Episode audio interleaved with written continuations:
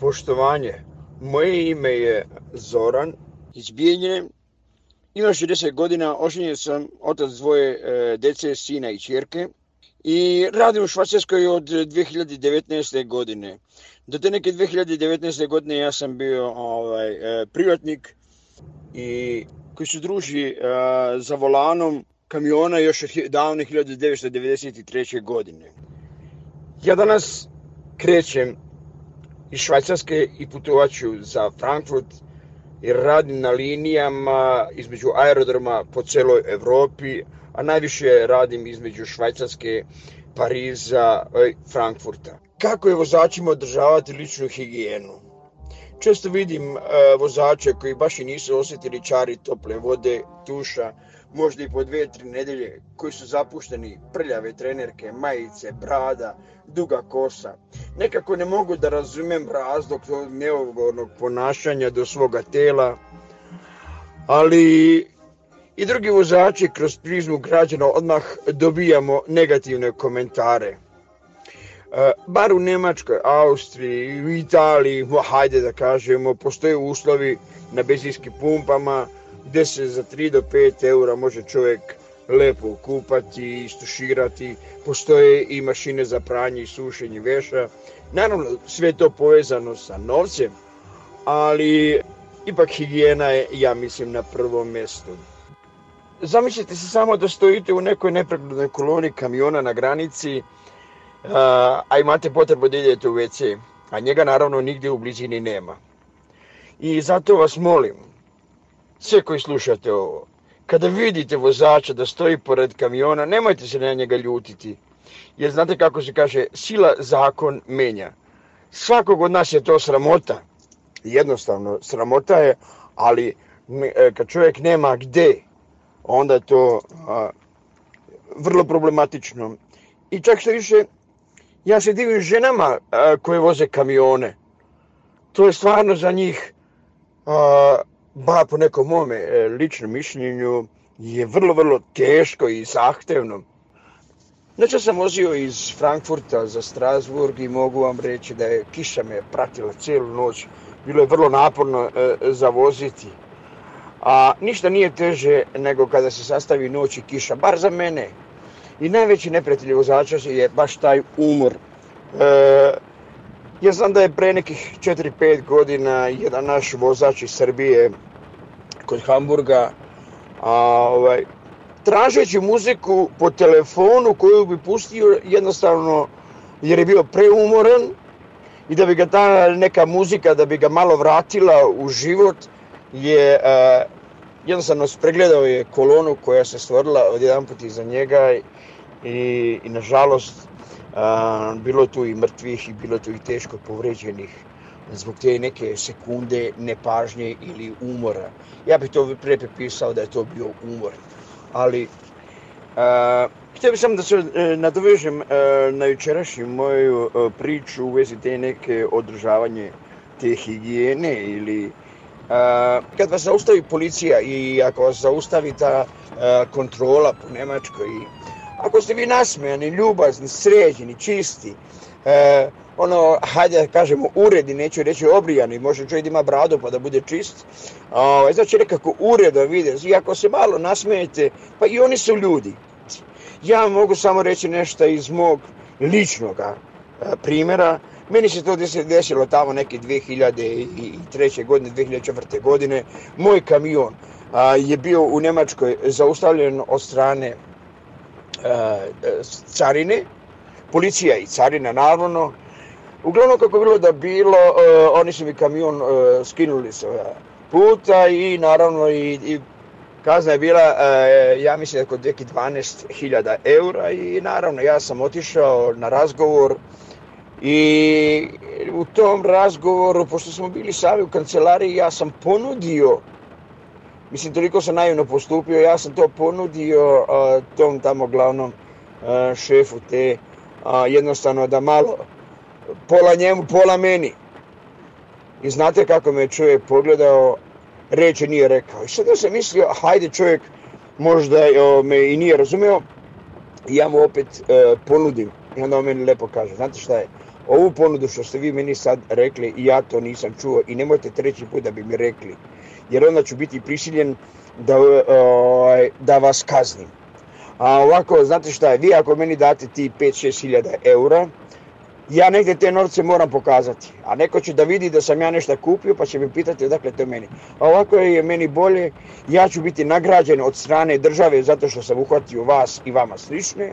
Ja ću dobiti premiju i to je to njihovo razmišljanje. Znači, nemojte pokušavati nigde u inostranstvu da podmažete sa 10-20 eura. Ne. Lep osmeh na lice nabacite, budite ljubazni i to je to. E, apropo cijele ove moje priče, jutro mi se desio jedan vrlo neprijatan događaj. Pošto su svi kamioni ograničeni na 90 km na sat, na autoputu je bilo slobodno obilaženje. Ja sam počeo da pretičem jedan kamion koji je bio ispred mene. Čovjek je vozio 80, nigdje mu se ne žuri. A meni se žuri pošto ja vozim tu terminsku robu od aerodroma do aerodroma. I naravno, e, primijetio sam ja da ide jedan auto malo brže, ali nisam opet ni toliko ni, ni reagovao. Ali kad je čovjek počeo da mi blica i da blica, onda naravno e, da sam ja to prekinuo e, obilaženje i vratio sam se u moju voznu traku. Šta se desilo? Kako sam se ja vratio u moju voznu traku, čovjek je sa svojim besnim BMW-om je svirno Ja sam pogledao i on mi je pokazao srednji prst. Ali ništa to ne bi bilo toliko da on nije e, od jedan put ovaj, e, sa autom zakočio ispred mene. E sada, ovaj, e, mnogi ti kamioni imaju takozvano to sigurnosno kočenje, Volvo je to usavršio. I kako je on stao ispred mene i naglo zakočio, u tom trenutku je, ja nisam stigao da reagujem, ali su kočnice automatski, je Volvo kočio. Iza mene je nastao haos na autoputu.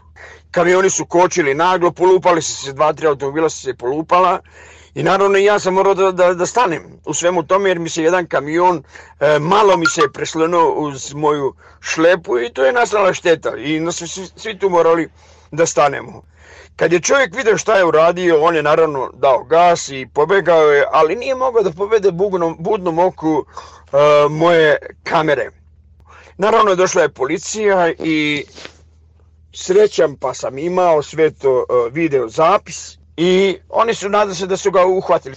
Ja se sad trenutno nalazim ovdje u Luksemburgu, vreme je e, lepo, toplo je, I nadam se da će tako i da ostane, ali e, zbog e, jutrošnjeg događaja nekako sam uznemiran sam i žao mi je što se sve to desilo nevinim ljudima koji su bili iza mene. I evo, danas je ponedjeljak i zadnji dan našeg audio druženja. Završit ću o naše e, druženje sa jednom istinitom pričom. Bio je I dan danas je, i bar tako kažu, jedan mnogo dobar čovjek. Otac dvoje tada male djece, imao uspješan u svom poslu transporta, imao je sve što čovjek za normalan život treba. Imao je auto, kuću, odmore na moru i na planini. Bilo su to skromni odmori, ne da se to išlo u, u hotele A kategorije, ne, ali jednostavno tako, apartmani, skromni privatni apartmani, ali uglavnom živjelo se je na neki način.